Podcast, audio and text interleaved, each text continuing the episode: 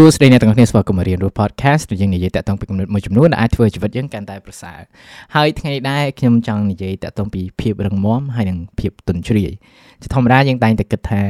អ្វីដែលផ្ទុយពីភាពទន់ជ្រាយគឺថាភាពរឹងមាំឯទៅហើយថ្ងៃនេះដែរខ្ញុំចង់ introduce concept មួយដែលថាវាខ្លាំងជាងភាពរឹងមាំទៅទៀតគេហៅថា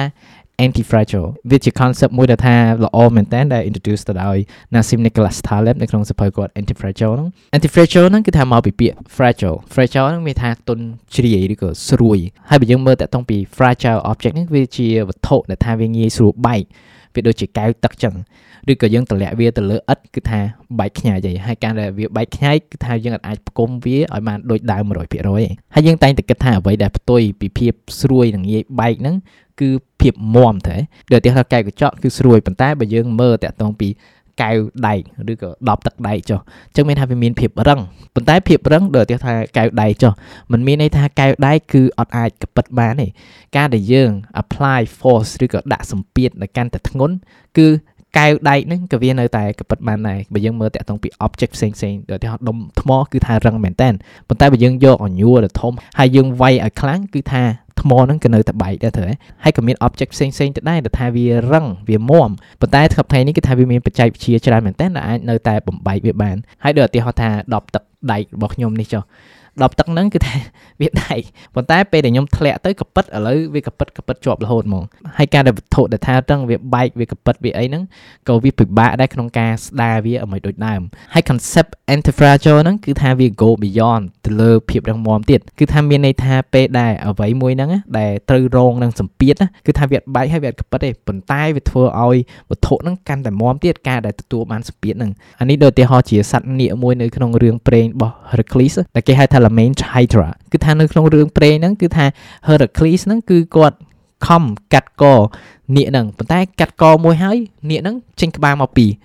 កាត់ក្បាល2ហ្នឹងហើយចេញក្បាលមក4អញ្ចឹងនឹងថាការតែគាត់កាន់តែកាត់កាន់តែច្រើនគឺថាចេញមកកាន់តែច្រើននេះបើអ្នកទាំងអស់គ្នាមើលតុក្កតា Naruto ក៏ធ្លាប់ឃើញសត្វរបៀបអញ្ចឹងដែរដូចមានលក្ខណៈសត្វចចកអញ្ចឹងដែល pain គាត់ create ហើយការដែល Naruto មួយសត្វអង្កែបគាត់ខំកាត់សត្វហ្នឹងជាពីរគឺថាសត្វចចកហ្នឹងគឺវាចេញមកពីរហ្មងដែលថាវារស់ហើយ កាន់តែកាត់កាន់តែច្រើនគឺថាចេញមកកាន់តែច្រើនទៀតហើយអញ្ចឹងនេះគឺជា concept មួយដែលថា individuality ហ្នឹងគឺថាការដែលទទួលបានរងសម្ពាធគឺថាវត្ថុឬក៏មនុស្សម្នាក់ហ្នឹងគឺកាន់តែខ្លាំងហើយនេះជា concept មួយដែលថាវា apply តាក់ទងពីមនុស្សយើងដែរយើងតែងតែគិតថាមនុស្សយើងគឺថារឹងមាំឬក៏ទន់ជ្រាយអីចឹងប៉ុន្តែបើយើងមើលទៅយើងទាំងអស់គ្នាគឺថាយើង មានធាតុនៃ antifragility នៅក្នុងខ្លួនយើងដែរវាដូចជាឧទាហរណ៍មួយដែលថាការហាត់ប្រាណចុះការដែលយើងហាត់ប្រាណគឺថាយើងលើកនៅអ្វីដែលធ្ងន់ហើយការដែលយើងរងសម្ពាធឬក៏ហាត់ប្រាណអស់ហ្មងគឺយើងចាប់ដើមមានអារម្មណ៍ថាចុកសាច់ដុំហីហើយអ្វីមិនចុកសាច់ដុំគឺថានៅក្នុងសាច់ដុំហ្នឹងពេលដែលយើងហាត់ដល់កម្រិតដែលថាវា fatigue ហ្មងគឺថាវាចាប់ដើមមានភាពលហែកមួយចំនួននៃសាច់ដុំរបស់យើងហ្នឹងអញ្ចឹងការដែលយើងហាត់ប្រាណហើយយើងមិនមែនខ្លាំងជាងមុនតែពិតយើងសើជាងមុនទេ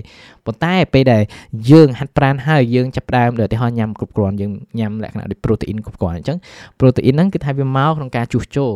សាច់ដុំរបស់យើងហើយពេលដែលវាជួសជុលហើយគឺថាសាច់ដុំហ្នឹងវាមិនមែនមកចំណុចដូចដើមទេប៉ុន្តែវាកាន់តែខ្លាំងជាងមុនទៀតហើយនេះគឺជា model មួយដែលថាគេយកមកប្រើដើម្បីបង្កើនសាច់ដុំ របស់អ្នកហាត់ប្រាណអីហ្នឹងគឺថាហាត់ដល់ចំណុចមួយដែលថាសាច់ដុំយើងវាបរាជ័យហ្មងគេហៅ muscle failures ហើយយើងចាប់ផ្ដើមញ៉ាំឲ្យគ្រប់គ្រាន់ហើយសាច់ដុំវាចាប់ផ្ដើមជួសជុលខ្លួនឯងហើយវាខ្លាំងជាងមុនហើយដោយសារអ្នកហាត់ប្រាណគាត់ repeat process ហ្នឹងម្ដងហើយម្ដងទៀតគឺថាសាច់ដុំគាត់ក៏មានកំណើនពីមួយអាទិត្យទៅមួយអាទិត្យឬក៏មួយខែទៅមួយខែអញ្ចឹងទៅហើយតាក់ទងពី anti fragility នេះក៏វាមិន relate តាក់ទងតែ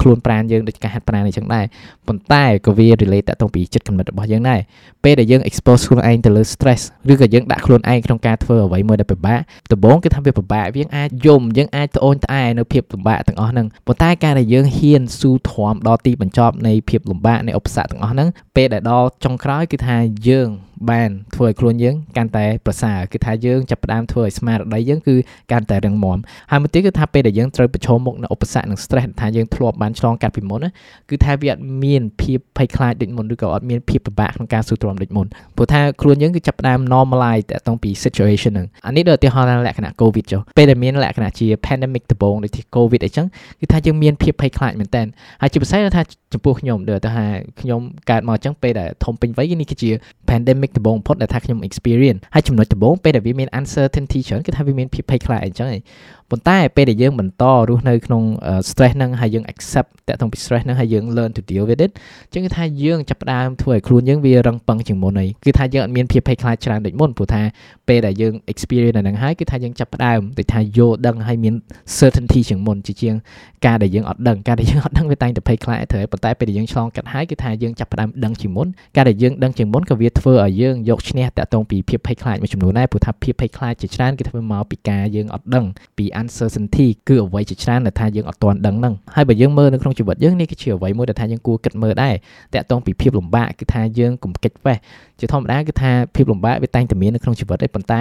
សប្តាហ៍ថ្ងៃនេះគឺថាយើងប្រម៉ូទតាក់ទងពីភាពទៅសុបាយហើយយើងចង់កាត់ចោលតែ ភាពឈឺចាប់ឬក៏ភាពពិបាកទាំងអស់ហ្នឹងប៉ុន្តែតាក់ទងពីភាពឈឺចាប់មួយចំនួនក្នុងជីវិតគឺថាយើងអាចកិច្ចវេះបានទេវាជាអ្វីមួយដែលថាយើងត្រូវប្រឈមមុខសូម្បីតែនៅក្នុងទ្រឹស្ដីនិងទស្សនៈរបស់ពុទ្ធសាសនាក៏គេបាននិយាយដែរគឺថាជីវិតគឺតែងតែមានការឈឺចាប់ឯងហើយជាជាងកិច្ចវេះតាក់ទងពីភាពឈឺចាប់ទាំងអស់ហ្នឹងយើងគួរតែរៀនប្រឈមមុខហើយជាពិសេសគឺថាប្រើភាពឈឺចាប់នៅក្នុងជីវិតយើងដើម្បីធ្វើឲ្យខ្លួនយើងអភិវឌ្ឍទៅមុខហ្នឹងហើយមួយទៀតគឺថាអ្វីដែលថាខ្ញុំឃើញនៅសប្តាហ៍ថ្ងៃហ្នឹងគឺថាយើង traumatize គ្នាតាក់ទងពី stress មែនតើថាអូអ្នកឯងគឺថា over stress ឬក៏ចេះចេះអញ្ចឹងអញ្ចឹងគឺថាយើង promote ឲ្យធ្វើឲ្យខ្លួនឯងភៀមភាពភ័យខ្លាចតាក់ទងពី stress ខ្ញុំមិនមានន័យថាយើងគួរពីមួយថ្ងៃមួយថ្ងៃធ្វើឲ្យយើង stress រហូតទេឬក៏យើងគួរតែ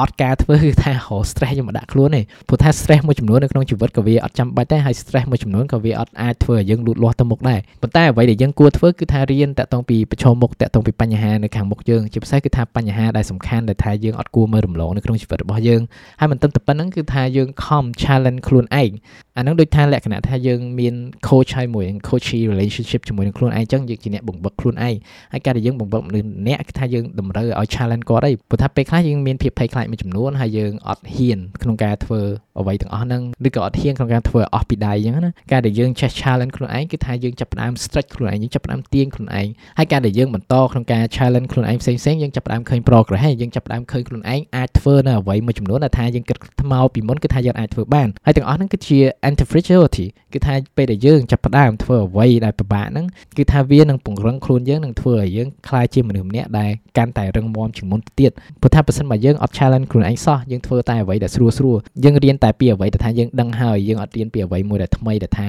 យើងអត់ដឹងអីចឹងក៏យើងអត់វិវត្តទៅមុខដែរហើយមួយទៀតគឺថាជីវិតគឺថាវាអត់ជាក់លាក់ហើយគឺវាតែងតែមានបញ្ហាមកថ្មីរហូតហើយពេលដែលបញ្ហាឬក៏ឧបសគ្គមកថ្មីហើយយើងអត់ត្រៀមខ្លួនឯងទុក ក្នុងការឆ្លងកាត់នៅឧបសគ្គទាំងអស់ហ្នឹងយើងនឹងអាចជួបតាក់ទងពីផលវិបត្តិមួយចំនួនដែលយើងអាចមានពីឧបសគ្គទាំងអស់ហ្នឹងដែលយើងអាចឆ្លងកាត់វាបានអញ្ចឹងពេលដែលពេលវេលាសុខស្រួលមិនក្តោយយើងតែងតែគិតមើលថាតើមានអ្វីខ្លះដែលថាខ្ញុំអាចធ្វើបាន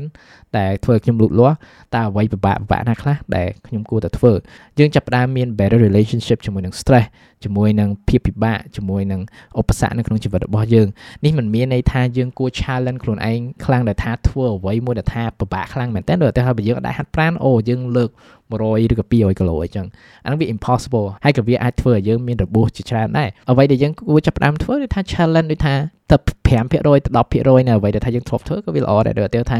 បើរាល់ដងយើងអាចអវងបាន10អញ្ចឹងអាទិត្យក្រោយខ្ញុំ challenge ខ្លួនឯងឲ្យអវងបាន12ឬក៏15អញ្ចឹងវាជាអ្វីមួយដែលថាវាជំរុញយើងឲ្យធ្វើការឲ្យអស់ពីចិត្តហើយមិនត្រឹមតែប៉ុណ្្នឹងវាធ្វើឲ្យយើងលូតលាស់ដែរហើយមួយទៀតបើសិនបើអ្នកទាំងអស់គ្នា interested លើ concept នេះខ្ញុំ like recommend ក្នុងការ explore further ពី concept ហ្នឹងនៅក្នុងសភៅ Antifragile សេដោយ Nassim Nicholas Taleb ដែរសភៅគាត់ជាច្រើនក៏ល្អដែរ like ខ្ញុំ learn a lot ពីគាត់មែនតើពី philosophy របស់គាត់តាក់ទងពី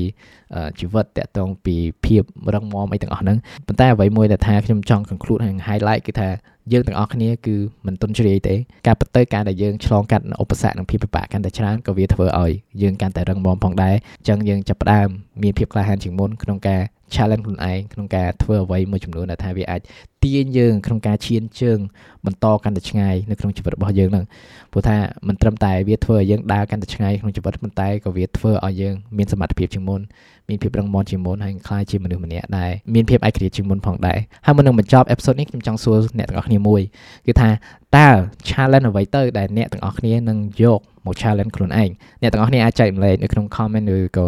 social media platform ផ្សេងៗខ្ញុំក៏ចង់ឮពីអ្នកទាំងអស់គ្នាផងដែរអញ្ចឹងអរគុណមែនទែនក្នុងការស្ដាប់ episode នេះបើអ្នកទាំងអស់គ្នាចូលចិត្ត Reno podcast អ្នកទាំងអស់គ្នាអាច support Reno podcast ក្នុង www.patreon.com/munipatili អញ្ចឹងចាំជួបគ្នាថ្ងៃក្រោយក្នុងអំឡុងពេលនេះអភិវឌ្ឍខ្លួនជានិច្ច